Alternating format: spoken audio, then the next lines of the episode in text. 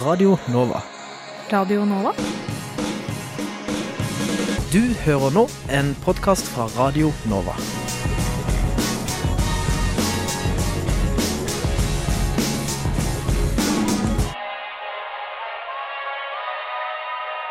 Det du skal få høre nå, er en podkastspesial om Tyrkias president Recep Tayyip Erdogan. Denne podkastspesialen er et helt intervju jeg utførte med Joakim Parslov, førsteamanuensis i Midtøsten-studier ved UiO og en av Norges fremste Tyrkia-eksperter. Starten på dette opptaket er litt brått fordi vi hadde noen tekniske problemer helt i begynnelsen. Men jeg håper allikevel at dere kan ta til dere mye nyttig kunnskap om nettopp Erdogan. Av sitt politiske parti, det partiet som heter eh, Rettferds- og Fremskrittspartiet, eh, som gjerne forkortes på tyrkisk til AKP. Eh, og har en, eh, en ganske lang fartstid, egentlig, fra, fra politikken. Han, du kan nesten si han er en slags, eh, slags politisk broiler. Han har vært aktiv i politikken helt siden han var eh, student, så han har lang erfaring med det. Men um, slik jeg har forstått det, så har Erdogan altså vært fengslet en liten periode. Hvor, hvorfor ble han det? Ja, dette har jo da med, med historien hans eh, fra før han ble statsminister, og fra før han, eh, han etablerte dette partiet sitt. Um, han var som sagt altså politiker helt fra ungdomsdagene sine, helt fra, fra 70-tallet, tidlig på 70-tallet. Uh, og den bevegelsen han tilhørte da, uh, det var en, eh, en slags uh, islamistisk politisk bevegelse, eh, som på tyrkisk heter Milli Görüş, eh, som kanskje kan oversettes med nasjonalt eh, utsyn eller nasjonalt perspektiv. Um, han var da ikke leder for den bevegelsen, og der han fikk sin, eh, sin politiske opplæring, så å si. Um, og eh, han gjorde det såpass godt i de, de forskjellige politiske partiene som, eh, som denne bevegelsen etablerte, at han eh, til slutt ble valgt til eh, borgermester av Istanbul for et parti som på den tiden het eh, Velferdspartiet. Han var borgermester i Istanbul fra, fra 1994 eh, og, og helt frem til 1998. Det som skjedde da mens han var borgermester, det var at eh, lederen for, eh, for Velferdspartiet, altså det partiet han tilhørte, Nejmetin Erbakan, eh, hadde kommet inn i en, eh, en koalisjonsregjering. Eh, og, og det at et islamistisk parti hadde kommet så høyt opp i, i makten i Tyrkia, det gjorde at, at mange skal vi kalle dem sekularistiske grupper i, i Tyrkia. Altså grupper som, eh, som vil ha en, en helt sekulær stat og ønsker at, eh, at religiøse symboler og religiøs diskurs ikke skal ha noen fremtredende rolle i offentligheten. De ble veldig nervøse. Og de satte da i, i februar 1997 i gang det som på tyrkisk har blitt kalt eh, et slags postmoderne kupp. De kaller det postmoderne kupp fordi det liksom ikke hadde noe klart eh, utspring. Det, skjedde liksom i, i mange institusjoner på en gang. Det tok form av en slags utrenskning av staten. Av, eh, av alle som, eh, særlig da militære, mente eh, tilhørte islamistiske grupperinger, som denne bevegelsen som Erdogan kom fra. Eh, og det var som et ledd i denne, denne litt uoversiktlige, eh, saktegående kuppprosessen, som begynte tidlig i 1997, at eh, partiet han tilhørte, til slutt ble stengt. Og, og Erdogan selv ble stilt for retten. Han ble da anklaget for å ha, ha spredd islamistisk propaganda. Eh, fordi han hadde lest opp et dikt på en slags massemønstring da, hvor de, de protesterte mot dette kuppet. Så, så det stemmer. Han, han ble da fengslet i noen måneder. Han satt bare to, tre, fire, jeg tror fire måneder i fengsel. Ehm, det var nok ikke egentlig et veldig hardt opphold for ham. Han ble faktisk veldig populær mens han satt i fengsel. Eh, han, han fikk en masse oppmerksomhet for det. Han fikk stadig vekk besøk og gaver av, av eh, tilhengere. Men eh, du kan si at det at han, eh, han ble sittende i fengsel eh, etter å ha blitt en, eh, en egentlig ganske populær borgermester i Istanbul, det, det skapte jo en, en ny og veldig viktig eh, brikke, eller et nytt kapittel, i historien om hvem han er. Eh, det ga han på en måte et slags, eh, ja, en slags offerrolle som han ikke hadde hatt i like stor eh, grad før. En personlig offerrolle. Um, er Erdogan autoritær? Uh, I dag vil jeg si at han, uh, han er autoritær. Ja. I dag er han autoritær i den forstand at han uh, har veldig lite toleranse overfor, overfor kritikk, opposisjon i det hele tatt. Eh, han bruker sine advokater flittig til å gå etter eh, alle som, eh, som kritiserer ham på sosiale medier eller på vanlige medier. Så, så, i den forstand er han veldig autoritær. Han er også autoritær i den forstand at han uh, har gått i bresjen for og ledet uh, en prosess som har pågått i noen år nå, uh, hvor selve maktstrukturene, eller de politiske strukturene i den tyrkiske staten, har blitt endret på en slik måte at uh, veldig mye makt har blitt konsentrert i hans egne hender og i hendene til partiet han nå er leder for igjen. da. Uh, så, så, i den forstand kan man si at han er uh, autoritær. Ja. Svært lite tolerant overfor opposisjon. Og, og, han har også sørget for at han har svært mye makt, og bruker den makten flittig til å, å beholde makten sin. Um, ofte når man snakker om autoritære ledere, så sier man at de danner seg en fiende som da hjelper dem med å samle folket under seg. Mm. Et veldig klassisk eksempel på dette er jo um, Putin, som av mange ses på som autoritær, og som også da mange sier at han har valgt de homofile som sitt offer, eller da Duterte, som har valgt liksom de kriminelle og de som smugler narkotika, da, som sine motstandere eller sine fiender. Hvem er Erdogan sine fiender? Hvem er liksom i hans fiendebilde? Altså Erdogan er en ganske, han er en ganske smart, uh, taktisk og, og, ganske egentlig pragmatisk politiker.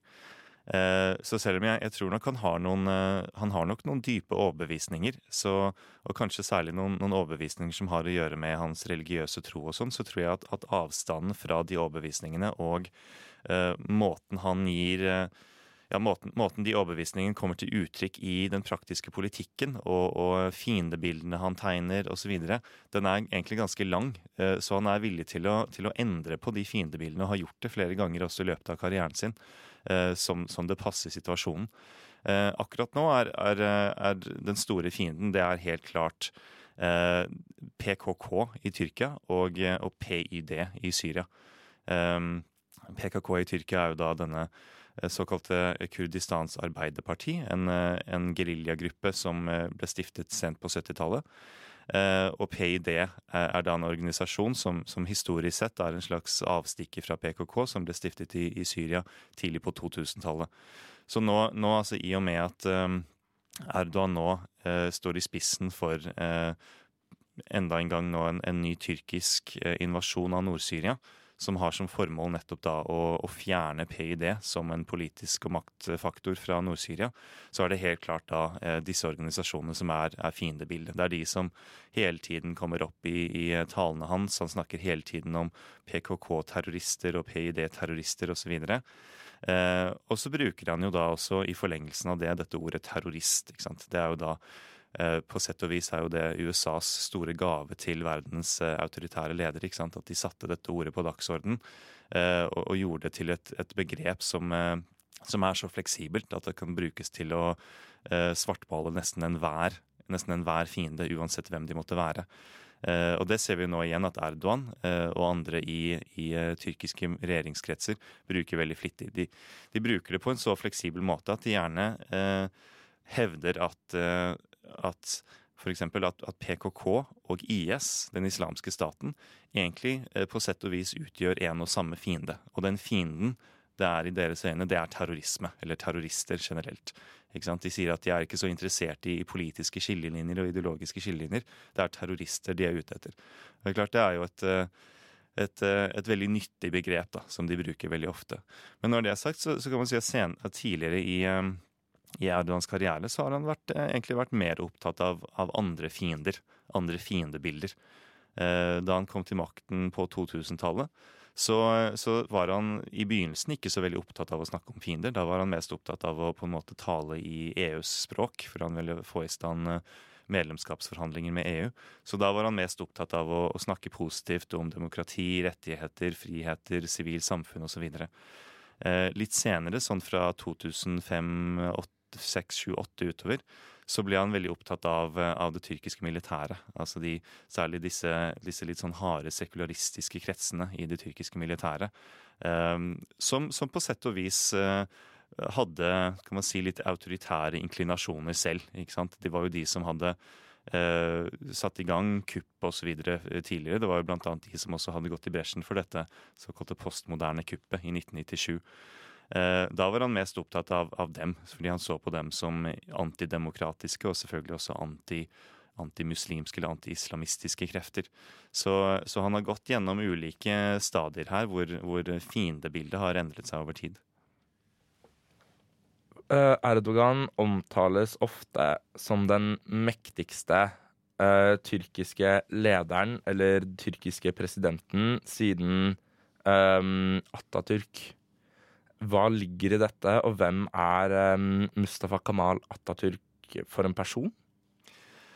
Ja, eh, det stemmer nok det, at han er Tyrkias mektigste leder siden Atatürk. Atatürk var jo da um, Atatürk var en, en, i utgangspunktet en, general. Han var um, han var en ganske vellykket militær leder som hadde ledet osmanske uh, styrker uh, under flere kriger, bl.a. Uh, under første verdenskrig. osmanerne var da alliert med sentralmakten under første verdenskrig, dvs. Si at de var på den tapende parten. og det at de, de var på den tapende siden av krigen, det gjorde at de som vant krigen, Eh, de kunne sette ut i livet sine planer om å, å dele opp Midtøsten mellom seg. Gjennom denne, dette som ble hetende da mandatordningen, som ble satt i, i, stand etter første verdenskrig. Et ledd i, i den ordningen, som ble utarbeidet eh, særlig av Storbritannia, Frankrike og USA, var at eh, det landområdet som i dag utgjør Tyrkia, skulle selv da deles opp i flere forskjellige biter. Eh, og, og, forskjellige europeiske, særlig europeiske land, skulle få eh, forskjellige innflytelsessfærer og områder de skulle kontrollere der. Det som da gjorde Mustafa Kemal til en, en helt, og en person som mange i Tyrkia i dag egentlig anser for å være det moderne Tyrkias grunnlegger, det var at han, han ble sendt for å demobilisere osmanske styrker etter første verdenskrig. Så gjorde han i stedet det motsatte. Han mobiliserte dem organiserte en slags eh, nasjonalistisk eh, motstandskamp da, mot disse planene, eh, og, og, vant den kampen mot, eh, mot, alle odds. Og Det gjorde at eh, han kunne tvinge de europeiske stormaktene tilbake til forhandlingsbordet i 1923 og få i stand en ny fredsavtale, eh, hvor det internasjonale samfunnet da anerkjente mer eller mindre de grensene som i dag utgjør Tyrkias grenser. Så Atatürk ble da, eller Mustafa Kemal som han het da, ble da eh, erklært eh, presidenten, første presidenten av den nye republikken Tyrkia. Og han forble presidenten frem til han døde i 1938. Og den republikken han ledet mens han levde, det var i teorien eh, en demokratisk republikk, i hvert fall på papiret. Grunnloven sa at det var et, et demokrati. Og man, man, holdt jo da også valg. Men i, i praksis så var det eh, en ganske strengt kontrollert ettpartistat. Eh, det var hans parti som kontrollerte alt. Han ledet både eh, sitt parti og staten. Senere mot eh, slutten av 30-tallet så, så, ble dessuten staten eh, ganske autoritær, ganske streng. Eh, den slo hardt ned på all mulig slags motstand. Blant annet, blant annet et opprør som skjedde i eh, det østlige, ikke sørøstlige, men østlige Tyrkia. Eh, perioden 1936 til 1938. Et opprør blant eh, kurdiske stammefolk som satte seg opp mot den tyrkiske sentralstatens forsøk på å konsolidere og sentralisere makten sin. Det ble slått veldig hardt ned på. Historikere er litt usikre på hvor mange som døde, men noen mener det kan ha vært så mange som 30 000-40 000 kurdere som døde. Eh, da staten slo tilbake. Så ja, man kan si at, at eh, Mustafa Kemal, eh, som da fikk, fikk, navnet Atatürk i 1934 av det tyrkiske parlamentet, han var en, en, leder som på sett og vis hadde så å si all makt i sine hender. Det var han som bestemte så lenge han levde. Og han var, i hvert fall mot slutten av sin karriere, også, også ganske autoritær. Han var det også. Eh, sånn sett kan man nok si at, at, Erdogan er den lederen som har hatt mest makt etter ham. Han har hatt mest makt fordi han har klart å eh, omforme de politiske strukturene i landet, endre på selve, selve, spillereglene for det tyrkiske demokratiet på en slik måte at han eh, nærmest er sikret eh, makten sin i uoverskuelig eh, fremtid. Um, det er klart han, han, kan ikke hvile på laurbærene sine. Det er ikke sånn at uh, han bare nå kan slappe av og, og, trekke seg tilbake i dette enorme presidentpalasset han har fått bygget. Uh, han må stadig vekk uh, finne på nye fiender. Han må stadig vekk finne på nye grunner til at Tyrkia, eller tyrkere burde støtte ham ved neste valg. Eh, men, eh, men han har på en måte nå alle de verktøyene han trenger for å sikre at han fortsatt har folkets støtte. Han kan utforme og forme den offentlige samtalen slik han vil. Han kan slå ned på all mulig kritikk. Han kan sensurere medier, stenge internettsider og, og fengsle kritikere også.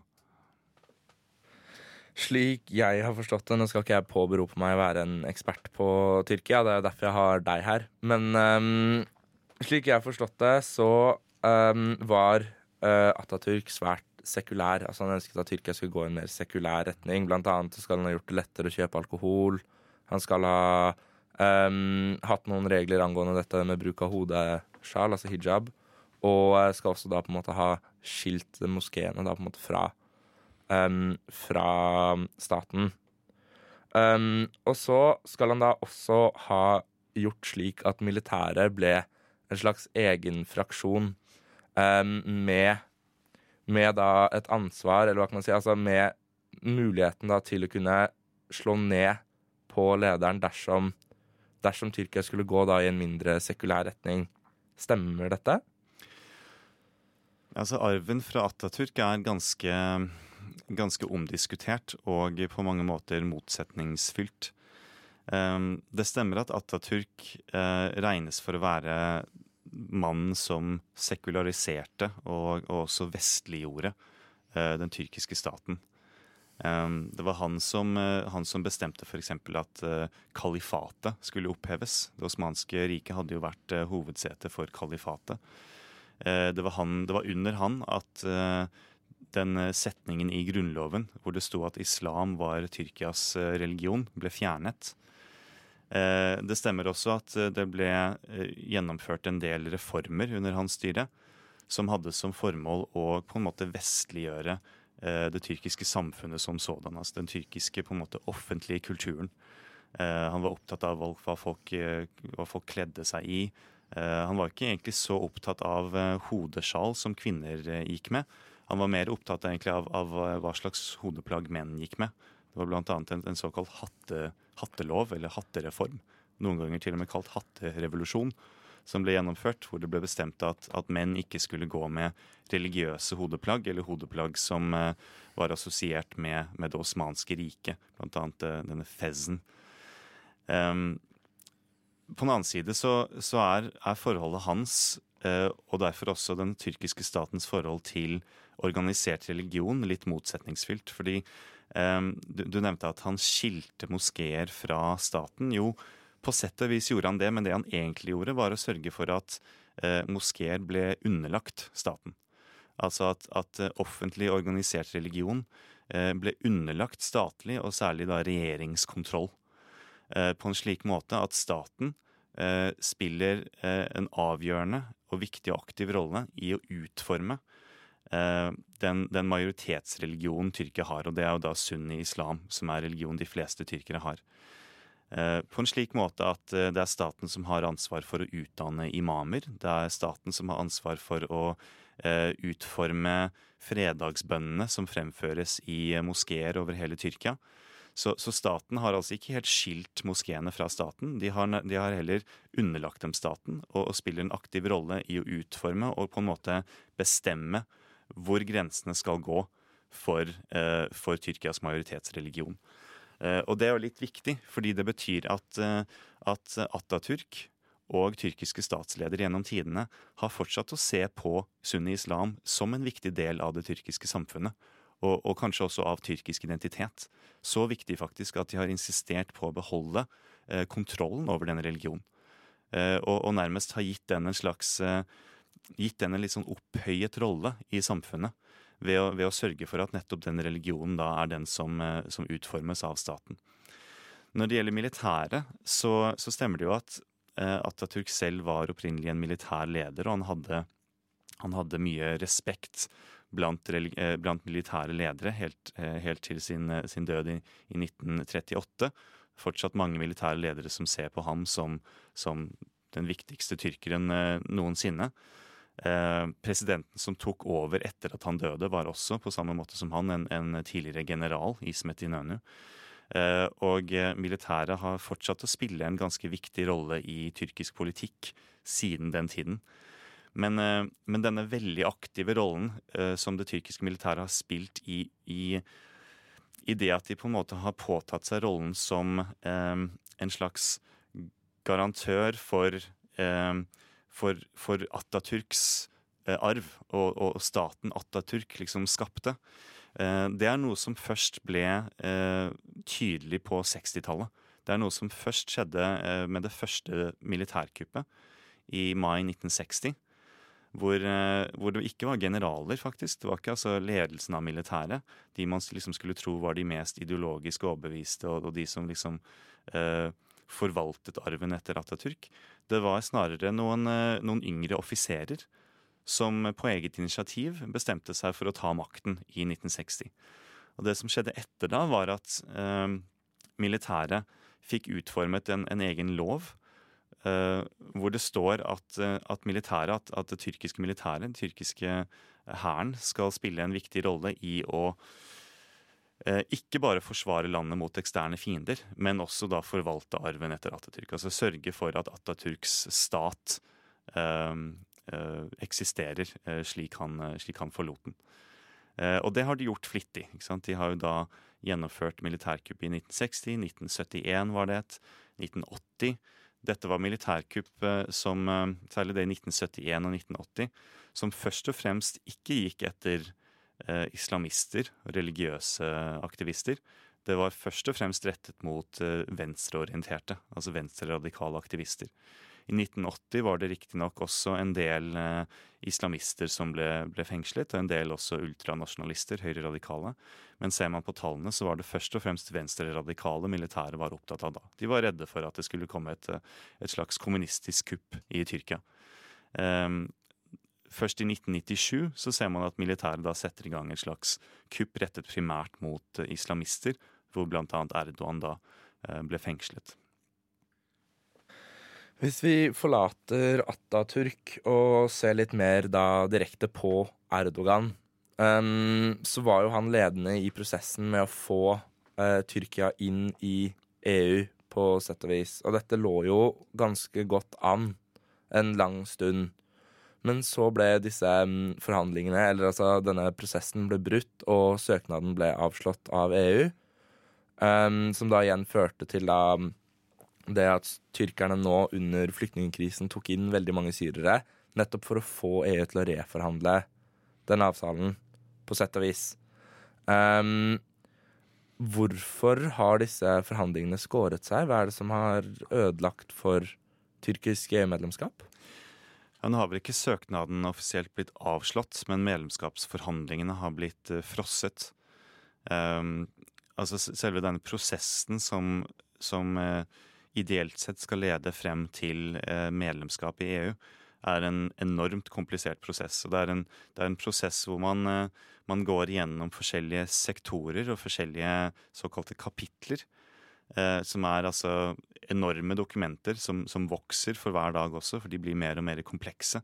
Så det er på en måte en litt sånn Sisyfus-oppgave å, å, gå gjennom disse, disse, medlemskapsforhandlingene, som har å gjøre da med eh, så å si alle aspekter med det tyrkiske samfunn og den tyrkiske staten. Altså rettsvesenet, politiet, menneskerettigheter, eh, politiske strukturer, økonomien, korrupsjon, eh, landbruk, Eh, toll, standarder altså alt, alt, EU er opptatt av innenfor EU, det er de også opptatt av at, at Tyrkia skal være opptatt av. Og de, de, de, har visse standarder som Tyrkia da må, må på en måte vise seg å, eh, å, eh, å møte før det kan, i, før det kan være snakk om et eventuelt tyrkisk EU-medlemskap. Og Kompleksiteten i disse forhandlingene har jo da vist seg å være nesten uoverkommelige. Um, Egentlig startet man forhandlinger eh, om tyrkisk EU-medlemskap allerede på 60-tallet, før EU egentlig fantes. Før, før, man hadde EU slik man har det i dag. Uh, og, det har vært flere ganger opp gjennom årene at Tyrkia på nytt har forsøkt å sette i gang prosesser for å bli medlem av da, det europeiske fellesskapet. Uh, 60-tallet, på 80-tallet, igjen uh, sent på 90-tallet. Det var den prosessen som, som, på en måte ble startet sent på 90-tallet som er den som på en måte har ført frem til der vi er i dag. Og det var, det var nok den, den, mest seriøse eh, prosessen vi har sett hittil.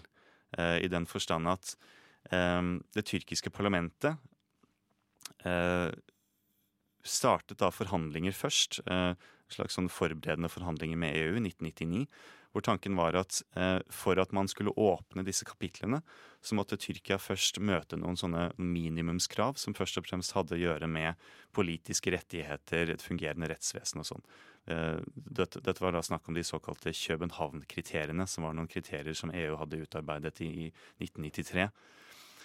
Um, reformene Tyrkia da måtte gjennomføre for å møte disse kriteriene, de ble startet av eh, regjeringen og parlamentet som fantes før Erdogan kom til makten. Så det var ikke Erdogan som startet denne prosessen. Det var parlamentet før eh, hans parti da ble, ble valgt inn og han kom til makten. Disse startet da sent på 90-tallet. Man kom ganske langt. Så hadde man et nytt valg. Eh, Erdogans parti fikk eh, de fleste plasser i parlamentet og klarte da å danne ettpartiregjering og fortsatte den prosessen. Han, han red på en måte da på en bølge som allerede var i gang. Eh, og han skal ha det at han, han fortsatte den prosessen så bra at eh, i 2005 så var EU fornøyd med at Tyrkia hadde oppfylt disse, disse København-kriteriene. Og så kunne man starte da reelle medlemskapsforhandlinger ved å åpne opp disse såkalte kapitlene. Eh, som da i teorien man, man fortsatt, da, fortsatt eh, forhandler om i, i dag. Eh, selv om man nå har frosset denne prosessen. Det som da har gått skeis, er, er, en veldig lang historie, egentlig. Det, det, som har gått galt, er jo egentlig alt som har gått galt i Tyrkia siden 2005. Det er at eh, det er først og fremst at eh, Erdogan har blitt mindre opptatt av å holde denne prosessen i gang, og blitt mer opptatt av å konsolidere makten sin i Tyrkia. Eh, kritiske stemmer har blitt mer høylytte mot han. Eh, han har blitt mer opptatt av å, å bli kvitt sånne lommer av motstand i den tyrkiske staten. Disse sekularistene jeg snakket om tidligere, var han veldig opptatt av. Han har blitt veldig opptatt av å på en måte passifisere eh, kurdisk motstand i Tyrkia, og også venstreradikal motstand. Eh, dette er noe som i stor grad har gått under radaren, men, men helt siden eh, midten på 2000-tallet så har det pågått eh, ganske store og komplekse rettssaker, eh, hvor mange tusen, eh, særlig unge aktivister på venstresiden og på, som, som et, som de som er en del av den kurdiske bevegelsen, har blitt fengslet. Dette har pågått paradoksalt nok samtidig med at Erdogan selv og hans regjering har vært i medlemskapsforhandlinger med PKK. Først hemmelig, og så eh, fra 20 ja, fra omtrent 2012 fremover eh, åpent, offentlige eh, fredssamtaler med PKK. Så man ser jo da at han har, blitt, han har blitt mer opptatt av å på en måte få landet under kontroll, eh, både på godt og vondt. Eh, og, og, etter hvert som eh, som han har mistet litt popularitet, så kan vi si at eh, det har gått mer på vondt. I den forstand at han har, han har eh, blitt mindre opptatt av å, å, beholde makten ved å få i gang f.eks. En, eh, en fredsavtale med PKK, mer opptatt av å heller slå ned på kritikk, slå ned på motstand. Eh, endre på selve staten, slik at han kan beholde makten sin. Eh, så må man jo også si, selvfølgelig, for å være rettferdig, så må man si at det har jo alltid vært eh, sterke stemmer i EU som hele tiden har vært motstandere av tyrkisk EU-medlemskap, av forskjellige grunner. Det er mange i EU som helt fra begynnelsen var motstandere av tyrkisk EU-medlemskap fordi de mente at et, eh, et, eh, et, land hvor de fleste er muslimer, ikke tilhører EU. Eh, man føler at, at EU egentlig er et slags kristent verdifellesskap osv. Det er jo i sin tur da noe som også har gitt vann på mølla til anti-EU-stemmer i Tyrkia folk i Tyrkia som, eh, som også har vært motstandere av EU, som, som, da mener at EU eh, e ikke vil ha Tyrkia. Hvorfor skal vi da ville bli medlem av en klubb som ikke vil ha oss? Det har jo da selvfølgelig også gjort det lettere for Erdogan å på en måte eh, slå over på en ganske sterk eh, antieuropeisk retorikk når kritikken har haglet eh, mot ham fra EU. Vi så jo, det, vi så jo det, etter kuppforsøket i 2016 f.eks., da han fikk mye kritikk for håndteringen av det kuppforsøket. Da slo han tilbake og, og mente at Angela, Angela, Merkel er en etterlevning av naziene, og at europeiske ledere er kristne korsfarere osv. osv. Så, så forholdet har jo helt klart surnet. Det har det. Særlig på det politiske og det retoriske planet. Samtidig så tror jeg vi må huske at Erdogan igjen er en, en ganske smart politiker, en ganske taktisk politiker. Han vet at at særlig det tyrkiske markedet, den tyrkiske økonomien, er ganske avhengig av å ha et fungerende forhold med EU. Det trenger ikke ha fullt EU-medlemskap, men du må ha et godt nok forhold til EU til at eh, man kan fortsette å ha eh, handel i stor grad mellom Tyrkia og EU. Så, så mens denne liksom sterke politiske retorikken eh, pågår, så, så ser man samtidig at det stadig vekk er liksom en hel sånn stim med diplomater og eh, representanter for tyrkisk og europeisk forretningsliv som hele tiden holder hjulene i gang. da. Som, som har et fungerende forhold under overflaten, og som liksom går litt sånn under radaren. da. I 2015, hvis jeg ikke husker helt feil, så var det et forsøk på kupp. Eller var det i 2017? 2016. 2016, så midt imellom. Um, så var det et forsøk på kupp i Tyrkia som der varte i en under 24 timer. Um, hva handlet dette kuppforsøket om, og hvordan reagerte Erdogan på dette? Ja, det er, det et godt spørsmål. Hva handlet egentlig det kuppforsøket om? Um, nå i ettertid så, så kan vi si med ganske stor sikkerhet at uh, i hvert fall eh, de som planla og koordinerte kuppet, nok var folk som tilhørte eh, en religiøs bevegelse i Tyrkia som kaller seg selv hizmet. Det betyr noe sånt som tjeneste. Eh, men som av andre ofte kalles eh, Gulen-bevegelsen. eh, fordi den er stiftet og, ledes av en eh, en tidligere eh, imam, eh, senere religiøs leder, en slags nyreligiøs leder ved navn Fethullah Gulen. Og som tyrkiske myndigheter eh, i offisielle dokumenter siden 2014 har begynt å omtale som den fetolaistiske terrororganisasjonen, igjen da etter navnet Fethullah Gulen, eh, og som de forkorter med, med FETØ. Så en, en, en bevegelse og organisasjon med mange navn. Dette er en bevegelse som eh, ble stiftet eh, sent på 60-tallet. Ble, ble, begynte å bli ganske stor eh, tidlig på 70-tallet. En slags nyreligiøs islamistisk bevegelse. Til dels eh, moderniserende. Opptatt av å, å tenke nytt rundt eh, forholdet mellom islam og, og det moderne samfunn. Um, en bevegelse som ble innflytelsesrik nok til at eh, Erdogan, som tilhørte en, en annen islamistisk bevegelse med, med en litt annen politisk strategi, på en måte hatt et, et av og på forhold til denne, denne bevegelsen. Eh, men i hvert fall på, på 90-tallet, da han var borgermester, så hadde de et ganske godt fungerende eh, forhold. De, de samarbeidet eh, om å støtte opp rundt de samme politiske sakene. Fetullah Gulen og hans bevegelse støttet ofte Erdogan ved stemmeurnen. De støttet hans parti.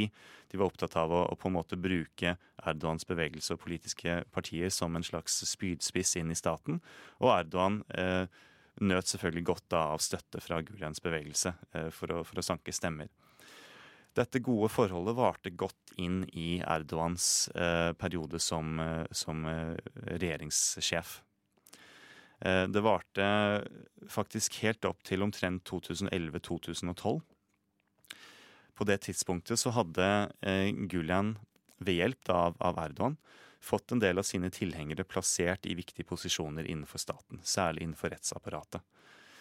Eh, og, og i de stillingene så hadde de eh, bl.a. ledet og, og gjennomført en del rettssaker, bl.a. mot eh, slike sekularister i militæret. Altså eh, militære ledere, generaler, som var veldig skeptiske til Erdogan og, og ikke ville ha religiøst overbeviste politiske ledere i staten. Da, da, da hadde de kommet til et punkt i 2011-2012 hvor eh, den faren som, som disse mm, sekularistiske militære lederne, lederne representerte, på en måte var blitt passifisert. Mange av disse generalene var blitt fengslet. Eh, det viser seg ettertid at, at de var blitt fengslet i stor grad på, på grunnlag av forfalsket bevismateriale. Men, men den faren var uansett eh, over, på sett og vis. Da var det på en måte bare det var på en måte bare Erdogan som sto i veien for at Gulen-bevegelsen skulle få enda større makt, og vice versa. Det var bare Gulen og hans bevegelse som sto i veien for at Erdogan skulle få enda mer makt. De som da tidligere hadde vært eh, samarbeidspartnere, de, de eh, representerte nå på en måte hverandres eh, farligste fiende. Så forholdet begynte å slå sprekker. Akkurat måten det, det, forholdet begynte å slå sprekker på, er litt komplisert, men man ser tegn på det allerede i eh, tidlig 2012. Da Erdogans regjering hadde begynt å, å, gå i gang med disse fredsforhandlingene med PKK, og det var blitt kjent. Da ser man bl.a. at en, eh, en statsadvokat, som eh, antagelig var tilknyttet Gulen-bevegelsen, tilkaller da eh, lederen for Tyrkias etterretningsbyrå, som på en måte var Erdogans høyre hånd, inn for avhør.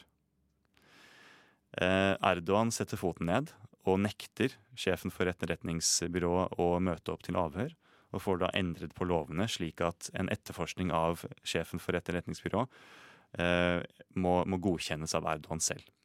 Da ser man liksom begynnelsen på en slags konflikt da, mellom disse to, eh, to, grupperingene.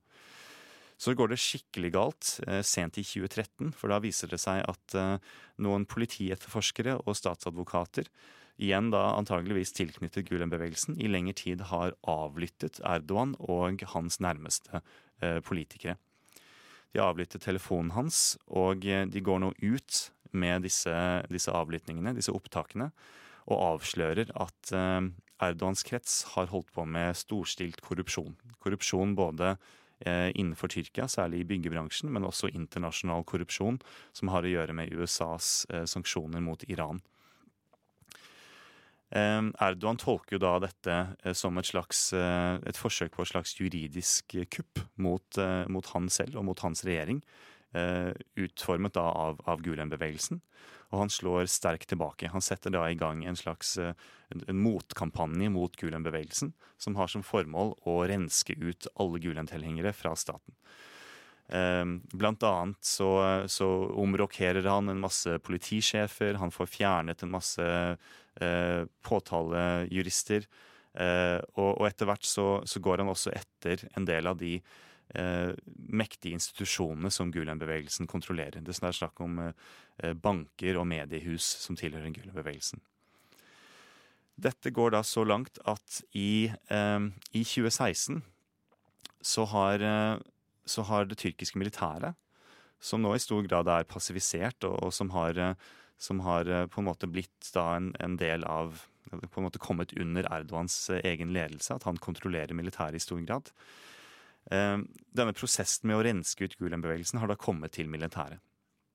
Og Det som nok har skjedd da, det er at Erdogan og etterretningstjenesten i lengre tid har forberedt en, en, en del lister da, over mistenkte Gulen-tilhengere i, i staten, bl.a. i militæret. Og så har de tenkt at de i august 2016 skal ha et møte i Det høye militærrådet hvor de skal vedta å sparke eller eh, førtidspensjonere alle på denne listen som de mistenker tilhører Gulen-bevegelsen.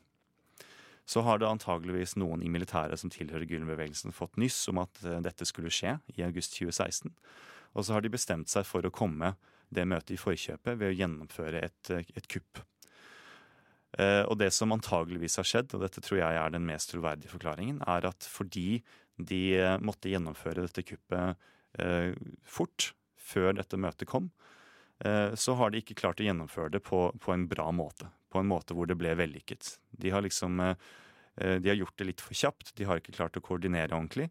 Og det er det som da resulterer i at, at kuppforsøket blir mislykket. De får ikke de får ikke mobilisert mer enn omtrent 10% av det tyrkiske militæret. De gjør det på en ganske klossete måte.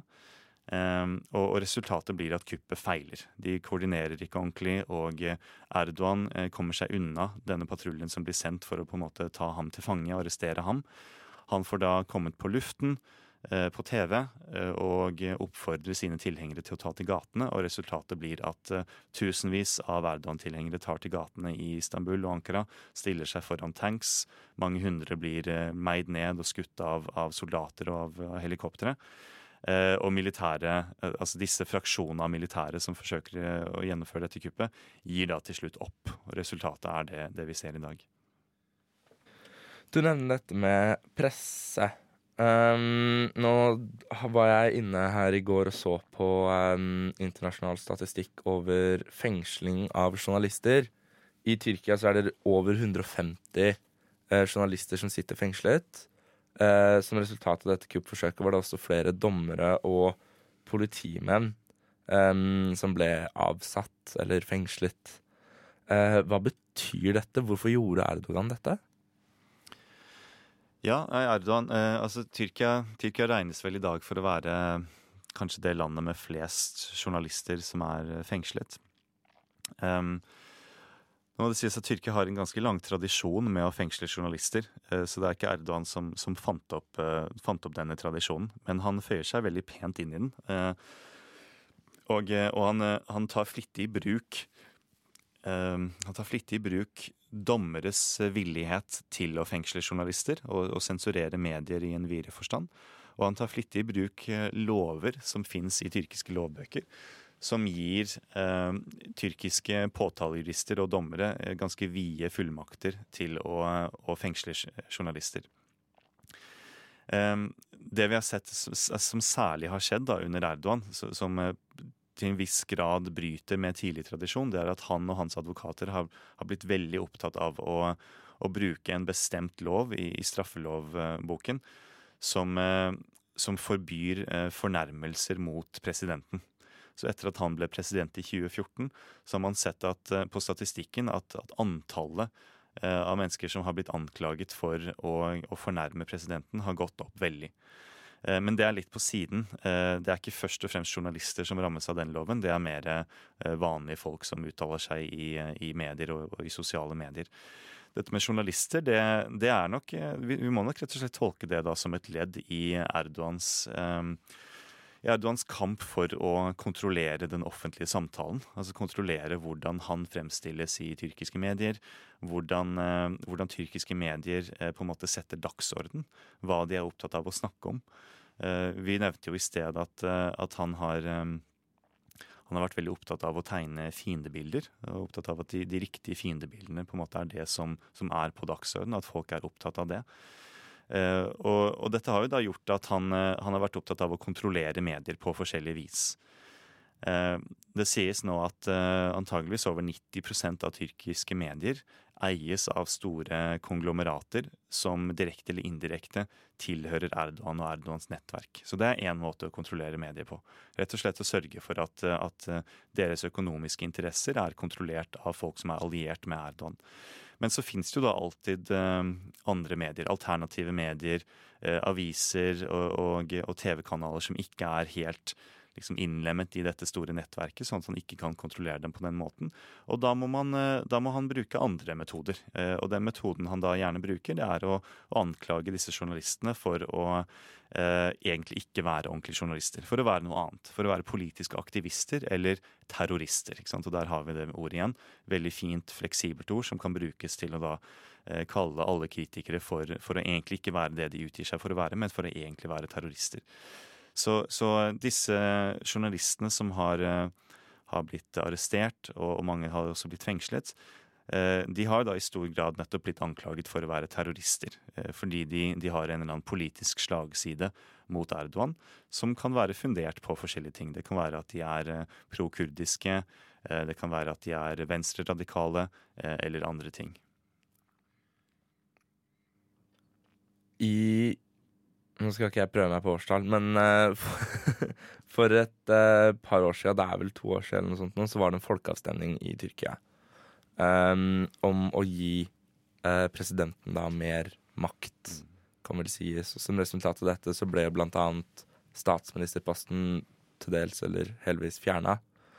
Hvordan har denne folkeavstemningen gitt Erdogan mer makt? Ja, den Folkeavstemningen handlet da om en, en grunnlovsendring. Uh, og, og grunnlovsendring, Det var egentlig mange deler av Grunnloven som ble endret. Men det det i det store og det hele gikk ut på, det var å endre Tyrkia fra å være et eh, parlamentarisk demokrati med en, eh, en presidentstilling som eh, var dels politisk, men i størst grad egentlig ment å være upolitisk. Presidenten var ment å være et slags, et slags symbolsk statsoverhode. Så i, i, den gamle grunnloven, eller slik grunnloven var før, Eh, så var det bl.a. viktig at, eh, at, en person som ble valgt som president, hvis den personen tilhørte et politisk parti, så måtte de si fra seg alle verv i det politiske partiet de tilhørte. Eksempel. Dette var da en viktig del av, av måten presidentposten var ment å være en ikke-politisk representant for staten som en helhet. Mens regjeringsmakten, eh, den skulle da besittes av en, en regjering som, som fikk støtte fra parlamentet. Så på den måten var det et parlamentarisk demokrati. Eh, og det hadde det vært da eh, lenge, egentlig. Eh, I teorien i hvert fall så hadde jo tyrkisk, Tyrkia vært et parlamentarisk demokrati siden 1924. Selv om man egentlig ikke hadde reelle flerpartivalg før i 2015. Så, så, sånn sett så var dette en ganske stor endring som ble innført med disse grunnlovsendringene. Man fjernet da den, den parlamentariske delen her. Man har fortsatt et parlament. Eh, men parlamentet er da ment å liksom bare ha en slags ren lovgivende eh, funksjon. Eh, I stedet for at, at, den utøvende makten er avhengig av støtte for parlamentet, så har man da direkte valg til presidentposten. Presidenten kan gjerne tilhøre et politisk parti og beholde det, det medlemskapet etter at han eller hun blir president. Og, og presidentstillingene blir da en mer, en mer Eh, en mer ren politisk eh, lederskapsrolle. Det er presidenten som har den utøvende makten, og det er presidenten selv som utformer eh, sin regjering. Han, han plukker da selv regjeringsmedlemmene. Gitt visse kriterier så kan han sette sammen den regjeringen slik han vil. Utnevne sin egen visepresident og sin egen statsminister og sette sammen sitt eget kabinett. Så, så, ja, det er en ganske stor endring, egentlig, sånn strukturelt sett, fra det systemet Tyrkia har hatt i alle år.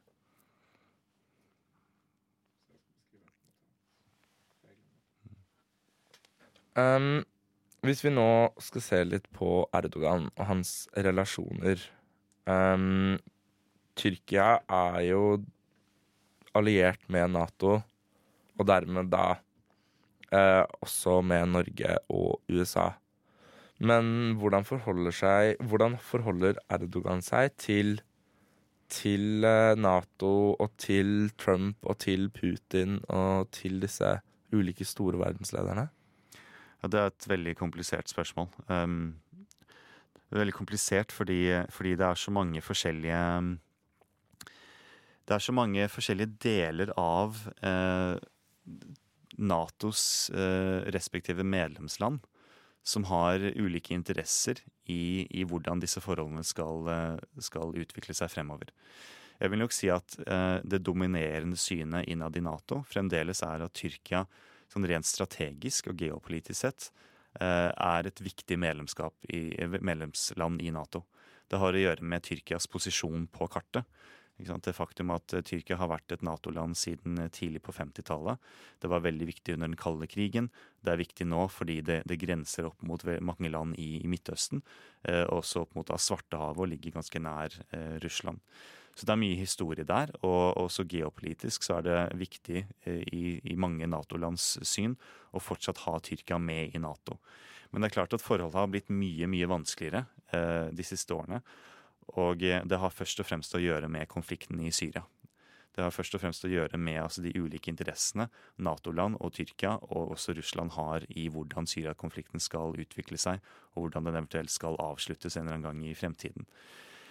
Um, det store ankepunktet nå, akkurat nå, det som har gjort det veldig vanskelig akkurat nå, det er at eh, IS, denne så, såkalte islamske staten, som gjorde seg gjeldende i Syria eh, i løpet av 2014, og kom så langt at de, de kom helt opp eh, i det nordlige Syria, opp mot grensen mot Tyrkia. Og der begynte å, å angripe eh, en politisk organisasjon som eh, på det tidspunktet var i ferd med å konsolidere sin kontroll over Nord-Syria, nemlig PYD. Eh, som da er dette, denne, denne, primært kurdiske gruppen, eller i hvert fall kurdiskledede gruppen, som eh, tidlig på 2000-tallet hadde blitt etablert som en slags, eh, en slags avstikker eller arvtaker av, av PKK, som tidligere da hadde vært, vært, til stede i Syria. Da IS angrep særlig én by, Kobane, eh, som var en PID-kontrollert by eh, langs grensen til Tyrkia. Så skapte det en veldig politisk betent situasjon eh, både i Tyrkia og i Syria.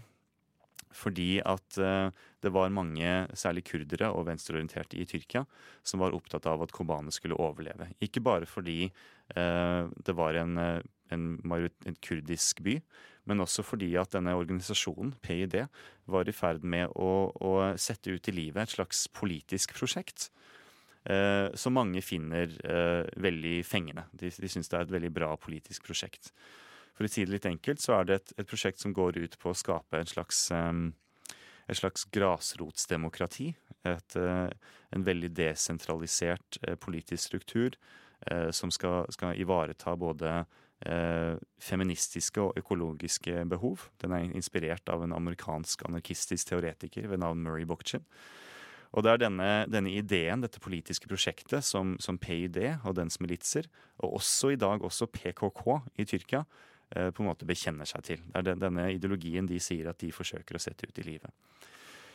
Det at, eh, at Kobane ble beleiret av IS, og at IS begynte å angripe og forsøkte å ta over Kobane, det skapte eh, store protester blant da eh, PUD og PKK-tilhengere over hele Tyrkia, og mange andre også. Det skapte enormt press på Tyrkia. Eh, Erdogan var ikke interessert i å gå inn og støtte disse kurderne i kampen mot IS i det hele tatt. Han, han, han forholdt seg ganske passivt til denne beleiringen, og det førte til at mange eh, anklaget Erdogan for å direkte eller indirekte støtte IS.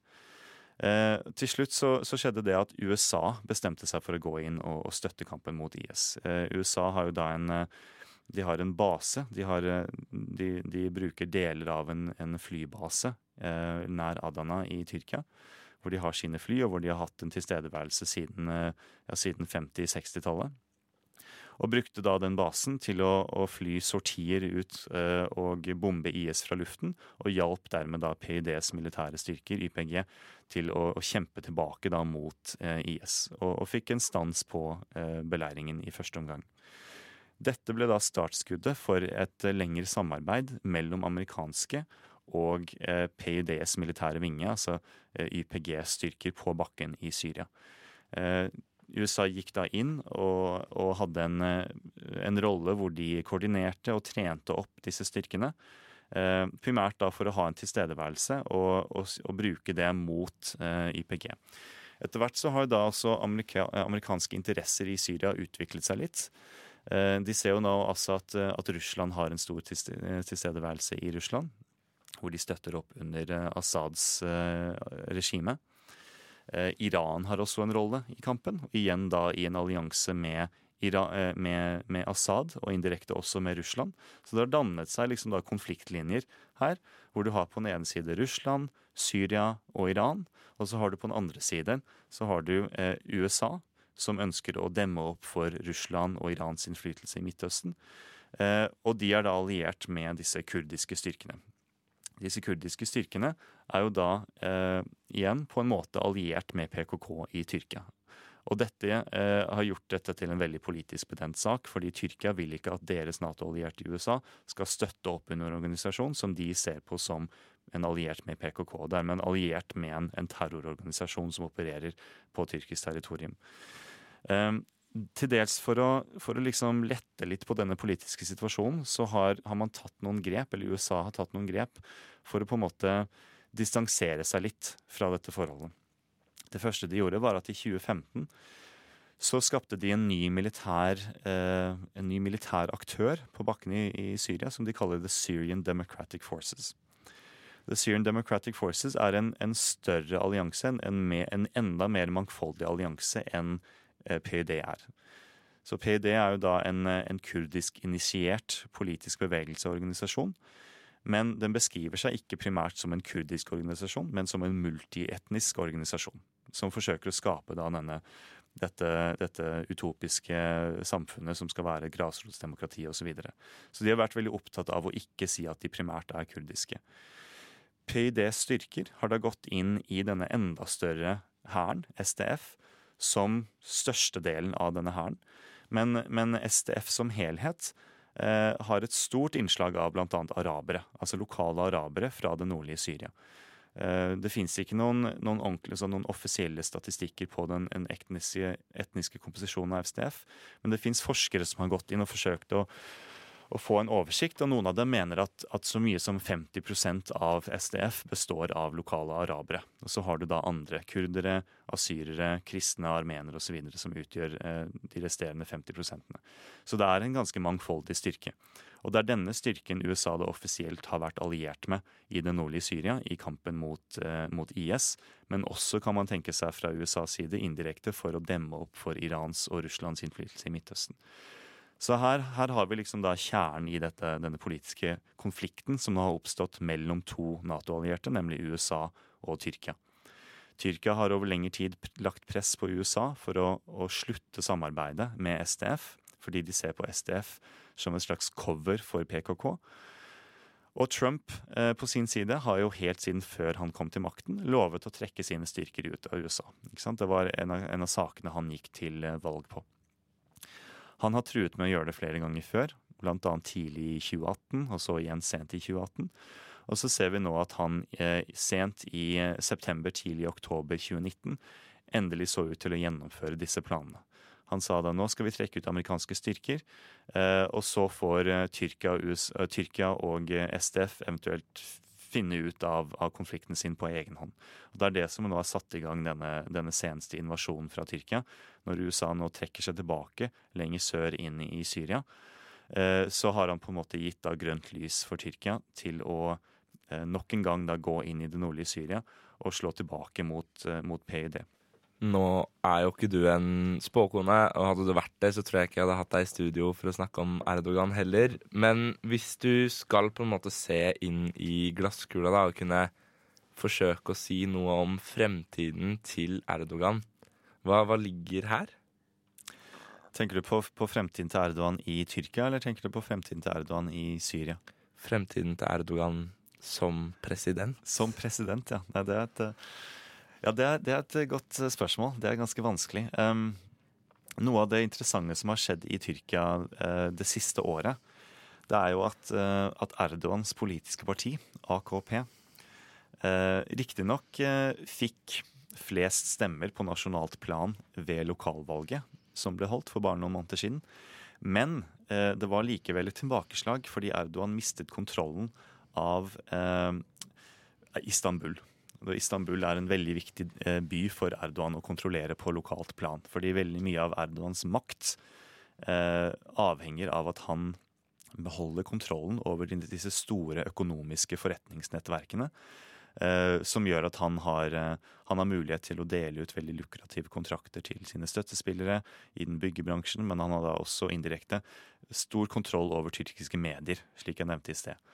Og det er gjennom disse forretningsforbindelsene at han, han har den kontrollen ved å miste eh, makten i Tyrkia, og da, da få en, en, borgermester i Tyrkia som tilhører det største opposisjonspartiet i Tyrkia, så, så har Erdogan eh, mistet noe av denne makten. I hvert fall på, på kort sikt. Eh, og det har vært et, et, tilbakeslag for Erdogan.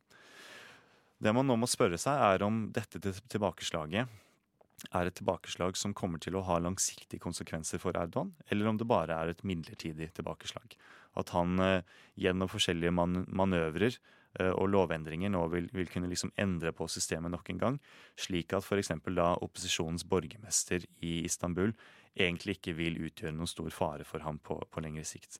Det vil vise seg. Et annet spørsmål man kan stille seg, er om det faktum at eh, Erdogan mistet eh, makten i Istanbul, egentlig er en indikasjon på noe. At det indikerer at det er en slags eh, noe som beveger seg blant tyrkiske velgere i grasrota, som går mot Erdogan. At, liksom, eh, at, at han rett og slett er i ferd med å miste eh, makten over, over stemmerne. At, at, de som stemmer ved ham, ikke lenger kommer til å, å i like stor grad stemme på ham i fremtiden. Det, det, vil være noe å, å, holde et øye på i fremtiden, tror jeg. Eh, jeg tror nok Erdogan er veldig redd for det. Han er redd for at han ikke skal være like populær. Det, det avholdes jo stadig vekk spørreundersøkelser for å, å se hvem, hvem, eh, tyrkiske velgere vil eh, tenke seg å stemme på i fremtiden. Og det er mye som tyder på at han, han er ikke like populær som han har vært før. Så er da spørsmålet om han kommer til å, å gjøre ting for å sørge for at han, eh, han, får nok stemmer da, ved neste valg, som først er om, om eh, noen år. Vil han eh, fengsle enda flere journalister? Vil han fengsle enda flere opposisjonspolitikere? Vil han finne på nye trekk for å gjøre seg selv mer populær igjen? Det er jo mange som mener at denne siste invasjonen av Nord-Syria er nettopp et sånt trekk, fordi det er veldig mange i Tyrkia som støtter opp under det, også blant opposisjonen. Eh, så det, det, er de store spørsmålene man nå må stille seg fremover. Utover det så, så vet jeg ikke om jeg skal spå så veldig mye. Nei, den er jo Det er jo en vanskelig situasjon å spå. Uh, Joakim Parslow, teşekkür ederim. som jeg lærte at det heter på tyrkisk. Ja. Eh, for at du tok deg tid til å sette deg ned her med meg og snakke litt grann om Tyrkia. Rija Ederim.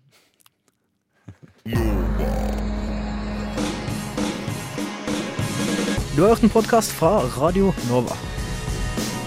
Likte du det du hørte? Du finner flere podkaster i iTunes og på våre hjemmesider radionova.no.